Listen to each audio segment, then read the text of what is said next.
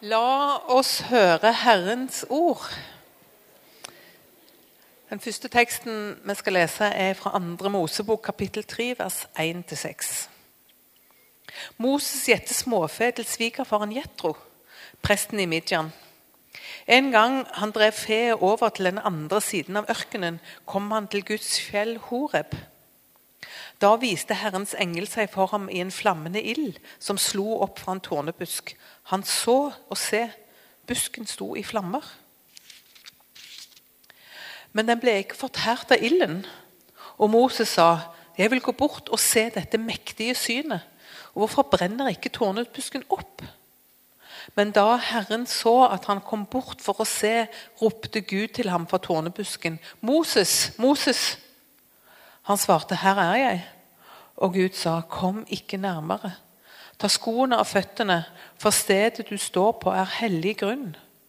Så sa han, 'Jeg er din fars Gud, Abrahams Gud, Isaks Gud og Jakobs Gud.' Da skjulte Moses ansiktet, for han var redd for å se Gud.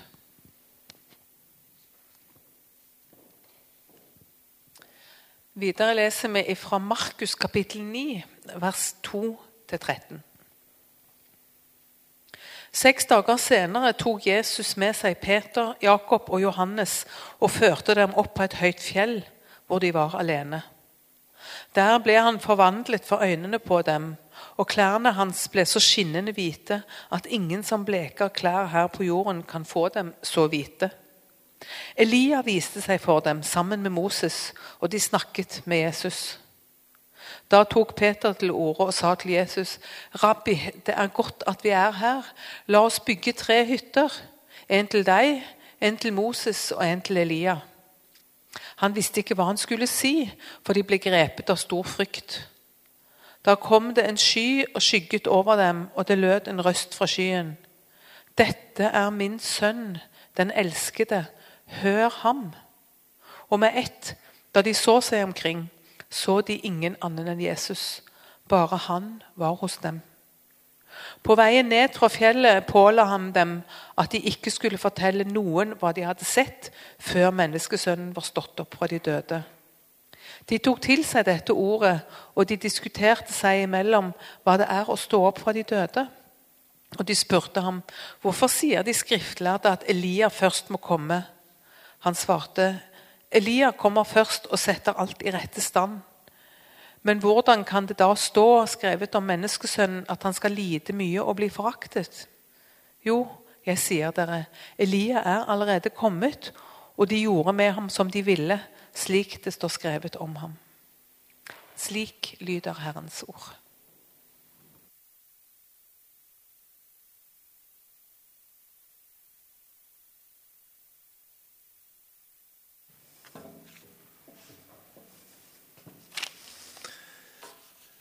Ja, det er veldig morsomt å være her. Jeg ble møtt med en velkomst som var litt spesiell. da. Du må huske på det, Torstein, at du må presentere deg som den gamle kalkun. Der ser du altså. De ser på meg som en gammel dinosaurus fra museet. Og det er jo veldig bra. Eh, jeg er altså gammel kroppsarbeider. skal jeg si. Gammel avdanket kirurg. Og altså ingen teolog, egentlig. Men eh, det er veldig artig å være her. det må jeg si. Selv om vi er gamle kalkuner, så er det jo artig at dere som er unge, gidder å høre på oss. Jeg synes det er veldig stas, egentlig. Eh, dere har masse som ikke vi har, men dere begynner å, å trekke litt med, med, med, med, teknikken der også. Da. Det syns jeg er veldig hyggelig å se. For meg var det veldig oppbyggelig å se den starten her. For jeg tenker at ok, det er ikke bare den gamle kalkun som sliter av og til, men det er også, også dere. Veldig, veldig bra. Det var sikkert en uh, bevisst sak for å få meg i bedre humør. Veldig bra. Jeg har en eh, vestlandsk nynorskkollega som eh, alltid åpner forelesningen med 'Vyrde vener'. Det er ganske flott, egentlig. Vyrde vener. Det er så populært med plagiering om dagen. og jeg tenkte at eh, Hvorfor ikke plagiere min gode venn fra Vestlandet og si 'Vyrde vener'? Godt folk. Det er stas å være her i Storsalen, for her er som jeg pleier å si, her er alltid lyset på. Her er det oppmerksomhet. Her er det folk som ønsker å få et mer inderlig forhold til evangeliet og til Jesus, som vi alle gjør. Og Her merker man med en gang kontakten med dere som sitter her. Og det er veldig veldig deilig når man står her oppe og føler at vi er sammen. Vi er samme båt, vi er samme prosjekt. Til fjells over bygden står min hu, står det i norsk litteratur. Dagens tekst er egentlig i tråd med det beste av norsk litteratur fjell. Og I dag så er vi i møte med arbeidsutvalget. Altså Peter, Jakob og Johannes, de tre som utgjør arbeidsutvalget til Jesus. De er altså på den ultimate fjelltur. må vi si. Det mangler bare snø og randonee-ski. Gutta boys på guttetur. Helt utrolig, egentlig. Altså, ja. Det må jo ha vært en bokstavelig talt grensesprengende opplevelse for denne gjengen. Den analoge teksten er fra Det gamle testamentet, der Moses må ta av seg skoene i møte med den brennende tornebusken. Han er på hellig grunn. Og i dag står disiplene på tilsvarende hellig grunn. Moses på det gamle Horebfjellet. I dag Peter, Jakob og Johannes på Tabor. Ikke mindre. Men det er én stor forskjell. Det Moses ikke fikk se, altså Guds ansikt, det fikk disiplene se. Og vi. Gud selv har blitt menneske i kjøtt og blod, og vi kan se ham. Vi er i åpenbaringstiden, som vi hørte. Og jeg ønsker å fokusere på to ting i denne preken. For det første på begrepet åpenbaring. Og for det andre på personen Jesus Kristus. Først, la oss bore litt i begrepet åpenbaring. Dypest sett så betyr det en meddelelse fra en guddom til mennesket. En mystisk opplevelse av innsikt og guddommelig nærvær, en åpenbaring. Hvis opplevelsen beror på en, på en egen anstrengelse, så regner vi det ikke som en åpenbaring. Det må være noe som kommer utenfra. For moderne mennesker så er ordet åpenbaring litt gammelmodig, litt eh, fremmed begrep. Nesten litt, det lukter nesten litt møllkuler av det. ikke sant? Åpenbaring. Ja, jeg tror også vi troende mennesker kan bli litt påvirket av denne sekulære tankegangen. Ehm, jeg syns f.eks. at eh, kona mi, Reidun, var en åpenbaring. Og jeg syns faktisk fortsatt det. Men det faller likevel på siden av det opprinnelige betydningen av ordet åpenbaring. Jeg nevnte at dette var et gammelmodig begrep for moderne mennesker nærmest på linje med møllkuler. Og Vi troende kanskje har også begynt å ta inn over oss at hm, dette med åpenbaring, er det egentlig noe, eller er det bare innbilning? Har vi også begynt å bli hardbarka materialister som samtiden er? Det vi kan ta og føle på, det er det som gjelder. Og ikke minst det vi kan kontrollere, det er virkeligheten. Det såkalte erfaringsbaserte det er nesten det eneste som gjelder for tiden. I vår sekulariserte tid er vi så innsausa i samtidens tenkning at vi har problemer med å løfte blikket og se en annen virkelighet. Den sanne virkeligheten. Jeg tenker at Vi er i ferd med å få skylapper, rett og slett. Vi ser banklånet, vi ser rentene, vi ser elprisen, vi ser karriereløpet, vi ser hamsterhjulet. Og vi ser den travle hverdagen og ikke minst våre elskede telefoner og skjermer. Og jeg tenker, Har vi vennet oss til dette impulsbombardementet, flimmersamfunnet om du vil, som kjører på i et ustanselig kjør? Men jeg tenker, er ikke dette flimmersamfunnet, dette bombardementet, egentlig et slags bedøvelsesmiddel, narkose, som jeg har vært vant med hele livet å bruke. Mange store tenkere har påpekt akkurat dette fenomenet. At vi er begynt å bli reduksjonistisk i vår måte å leve på, vår måte å tenke på. Filosofen Charles Taylor, som kanskje noen av dere har lest, hvis ikke så prøv det. Charles Taylor, han snakker om 'the buffered self'. Det pansrede, moderne selvet. Mennesket forskanset inne i en innelukket kasse. Uimottagelig for åpenbaringer, uimottagelig for impulser fra en ekstern instans, fra Gud. Her og nå det er alt vi har. Eller som nylig avdøde Ole Paus sa det veldig elegant. Vi har alt, men det er også alt vi har. Dagens tekst tenker jeg er en brannfakkel inn i vår moderne virkelighetsoppfatning. En slags vekkerklokke, wake-up call. Som kristne må vi ikke være med på den sekulære innsnevringen, krympingen av mennesket. Disiplenes konfrontasjon med Moses og Elias og den herliggjorte Jesus er et møte som sprenger grenser og utvider vårt perspektiv på hva det vil si å være et sant menneske. Skapt i Guds bilde. Uten Gud mister mennesket retning og mister forståelsen av hva et menneske er. Jeg gjentar. Uten Gud mister mennesket retning og mister forståelsen av hva et menneske er. En del av frelsen er jo nettopp å våkne opp for denne virkeligheten. Som Gud sier i teksten, hør ham, Jesus. Hør på Jesus. Han er Guds åpenbaring til mennesket. Vi må tørre å stille de utfordrende spørsmålene til oss sjøl, til vår egen samtid.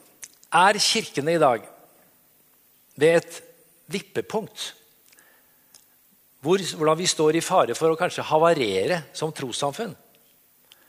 Er vi i ferd med å omskape kristendommen til en slags sivil religion? En type veltemperert, sekulær teologi tilpasset livets seremonielle begivenheter. Jesus som en harmløs og sentimental museumsfigur, en foreldet forestilling, fra oldtiden, før opplysningstiden kom og frelste oss. Sånn tenker mange.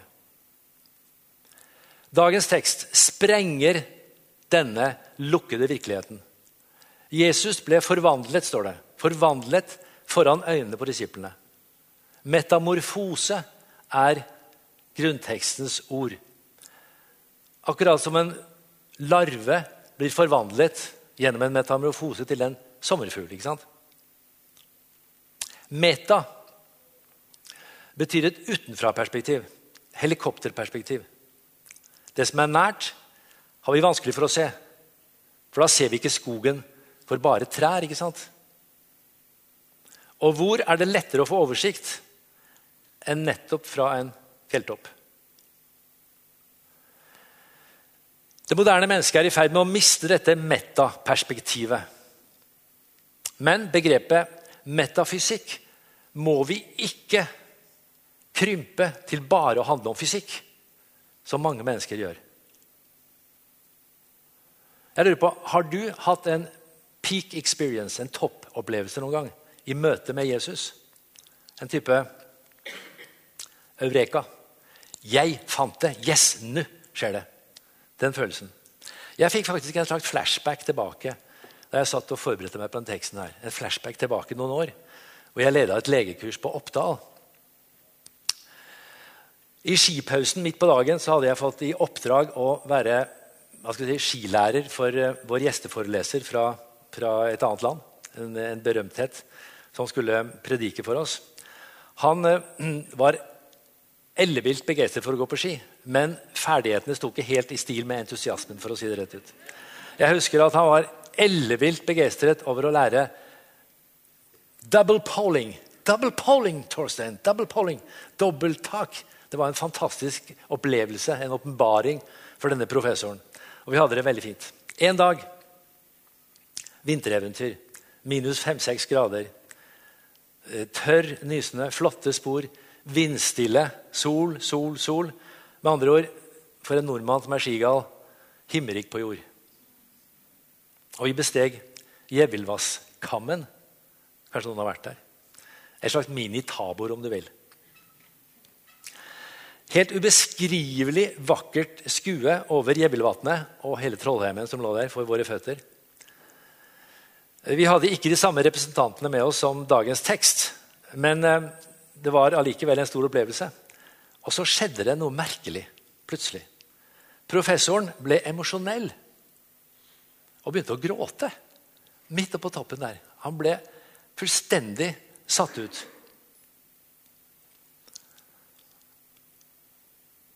Og jeg tenkte Han fikk en peak experience, en slags toppopplevelse. Og han dro meg med i den samme opplevelsen. Vi var det som kalles for star struck av et gudsnærvær som var øredøvende. egentlig. Det fantastiske skaperverket vi sto midt oppi. Og så fortalte han meg om livet sitt, som hadde gått litt i stå. Og han hadde bestemt seg for å legge om stilen, rett og slett. Han ville finne tilbake til troen på Jesus som han hadde vært borte fra i mange, mange år. Så sto vi der oppe, proffen og jeg, og holdt om hverandre og gråt i en slags peak experience. I et gudsnærvær og vi kunne snakke sammen om helt andre ting enn bekkenbrudd og lårhalsbrudd. Det var egentlig en utrolig opplevelse. Han hadde som jeg funnet ut at livet består av mye viktigere ting enn karriere og storartede akademiske bragder. Og vi fikk en intens opplevelse av hellighet, takknemlighet, ydmykhet, ærefrykt.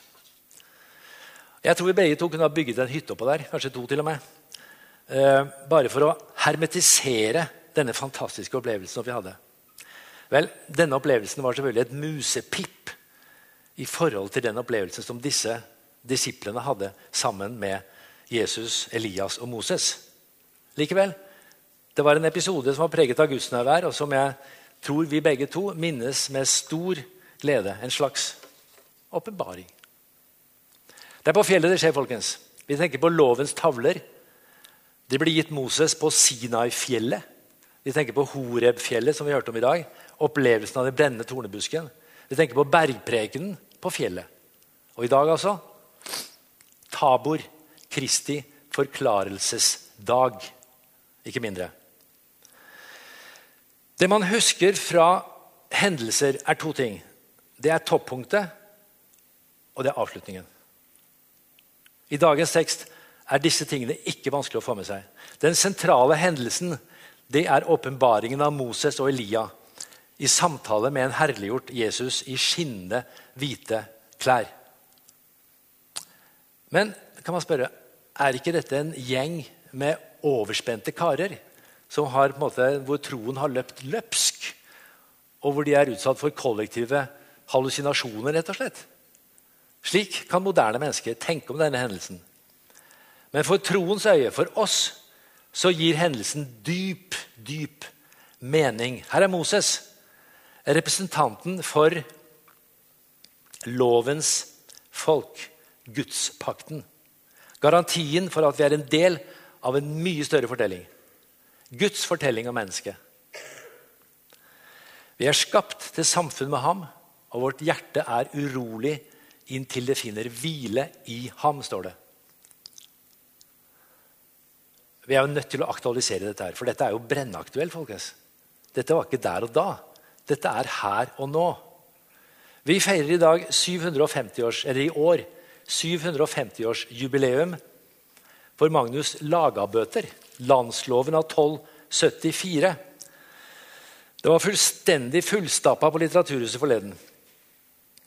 Jørn Øyrehagen Sunde, den lærde rettsprofessor i rettshistorie, underviste om Norges kanskje beste konge gjennom alle tider. Landsloven ble et paradigmeskifte, som vi kaller det. En mønsterlov med anerkjennelse over hele Europa. Samfunnet på 1200-tallet var kaotisk med uavbrutte etterfeider forankret i hevnretten. Hevn, hevn, hevn. Ære og hevn. Kaos, Endeløse voldsspiraler hvor makta rådde, og hvor kvinner og barn, og slaver ikke minst, led urett. Men den nye landsloven ga kvinner, fattigfolk og slaver rettigheter. Nå fikk alle gravlegges på innsida av kirkegården i vigsla jord. Og det ble slutt på å sette ut uønskede barn. På skogen, det som ble kalt for utburden. Det hele var forankret i Guds vilje, rett og slett. Det var ikke lenger makta som bestemte. Nå var det rettssamfunnet som skulle råde. Kristenretten sprang ikke lenger ut av forhold mellom mennesker som hadde eiendom, men var forankret i Guds vilje. Det vil si fra noe utenfra mennesket selv. Et metaperspektiv som Magnus Lagabøtter hadde i bøtter og spann. Magnus var oppdratt kristelig i et fransiskanerkloster i Bergen og hadde der fått blikk for nettopp de underprivilegerte. Hans visjon var å være Guds ombudsmann som skulle feie det gamle klansamfunnet av banen. Etterkonflikter skulle bort. Og merk dere Den nye landsloven lærte vi, var tuftet på fast grunn, nemlig på første Mosebok, dagens representant på fjellet. Første Mosebok, Med forestillingen om at alle mennesker er skapt i Guds bilde. Alle. Slaver, barn, misfoster, handikappede, kvinner, menn. Dette var på linje med en åpenbaring. Det var en åpenbaring. Og legg merke til Når du hører på radioen senest i ettermiddag kjørte jeg på vei hjem fra, fra skituren i et program om nettopp dette med lagarbeider. Det nevnes nesten ikke et ord om at dette er kristenretten. Dette med det kristne perspektivet, som er helt klart til stede, det underkommuniseres nå kolossalt. Legg merke til det når dere hører programmet neste gang. Men de som har peiling på det, som f.eks. denne Øyrehagen Sunde, han sier rett ut dette er tuftet på første Mosebok. Det himmelstormende ironiske i dette her, er jo at vi samtidig med denne jubileumsfeiringen av kristenretten har oppe til høring et forslag om utvidelse av fri abort. Interessant. Vi kan vel bare forestille oss hvordan Magnus Lagabøte ville ha reagert om han hadde fått leve i dag. Jeg tror han ville ha rista bedrøvet på hodet sett ned i skoa og sagt Hva i all verden er det dere driver på med? At Moses var til stede på fjellet, er altså ingen tilfeldighet. Som de gamle sa det med lov skal landet byggast, ikke med ulov øydast. Kristenretten, forankret i første Mosebok, er selve fundamentet for de velfungerende skandinaviske samfunnet vi har i dag. Og la oss ikke for all del sette lagabøter i revers. Moses på Horeb måtte skjule ansiktet sitt for ikke å se Gud. Den brennende tornebusken var jo på en måte Guds representant, og han fryktet for å se Gud. Men i dag hører vi at disiplene får se ham. De får se den fulle og hele åpenbaringen, forklarelsen av det som var lovet. Gud ble menneske i kjøtt og blod, slik at også vi kan se ham. Den andre representanten, Elias, var like viktig. Han representerte det ildfulle, det karismatiske. Røsten som med kraftsbevis eh, mante folket til omvendelse på linje med døperen Johannes. ikke sant? De to var det som rydda vei, røst som ropte i ørkenen, rydda vei for nettopp Messias som skulle komme. Elias og Moses, disse to fikk komme Guds herlighet nærmest i det gamle testamentet, den gamle pakt. I dag er det Jesus som avløser den gamle pakts representant ved Moses og Elias. Den gamle pakt viker til fordel for den nye pakt. Jesus er målet for deres gjerning og for hele Israels frelseshistorie. rett og slett. Nå er oppfyllelsens tid. Jesus er målet for deres gjerning og hele Israels frelseshistorie. Nå er oppfyllelsens tid. Og åpenbaringen stadfestes av de tre utvalgte Peter, Jakob og Johannes. Hva kan vi lære av dette? Kristendom er ingen filosofi. Det er ingen ideologi. Kristendom er en person. Jesus Kristus. Det er i ham vi lever, beveger oss og er til. Han er grunnlaget for hele vår tidsregning.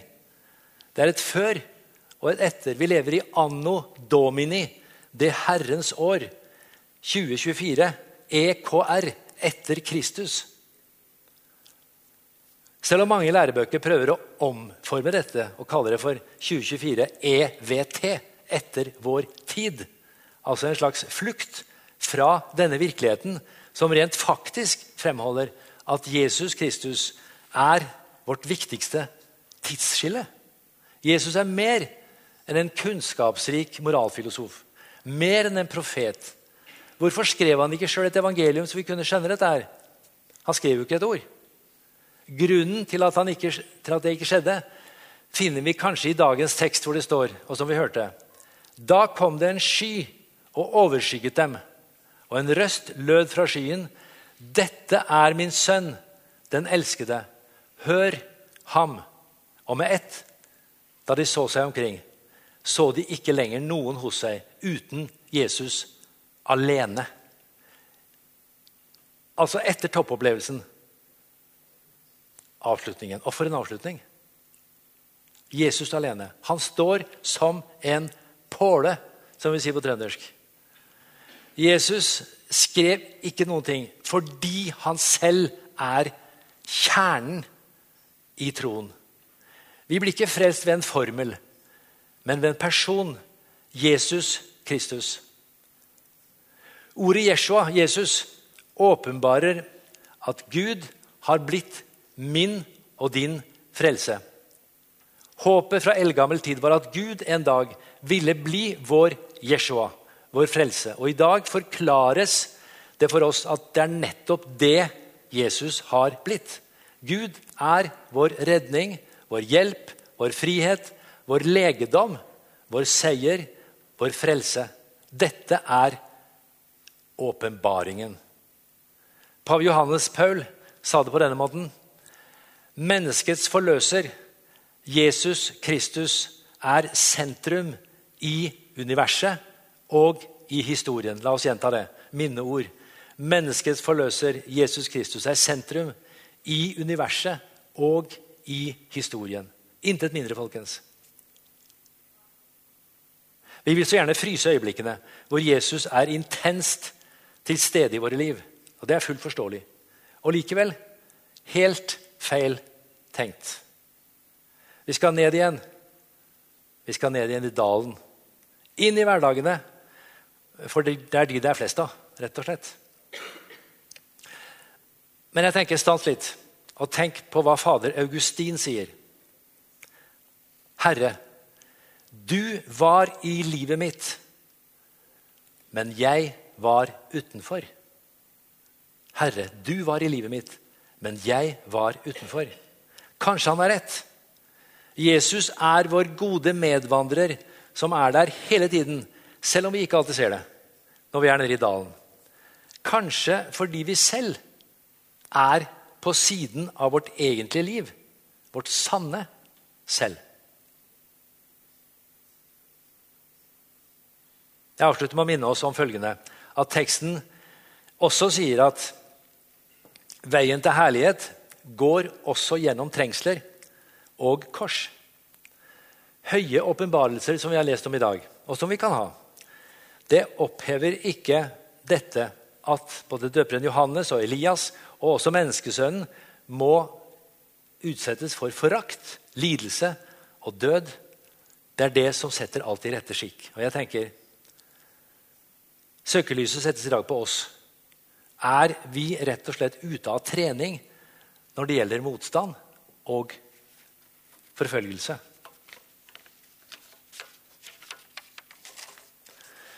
Kristi forklarelsesdag er et frampek mot oppstandelsen. Forklarelsen på fjellet er en bekreftelse på den forestående herliggjørelsen i oppstandelsen. Og husk, løftene og håpet blir oppfylt under korset og ved ordet, ikke ved stadige, repeterte herlighetsoppbevaringer. La oss be til slutt. Gode Gud, hjelp oss i dag til å se Jesus forklaret som min og verdens forløser og frelser. Vi ber ydmykt om at du, Jesus, må forbarme deg over oss og over en ustabil verden som står i brann. Kyrie eleison. Ære være Faderen og Sønnen og Den hellige ånd, som var og er og blir en sann Gud fra evighet og til evighet.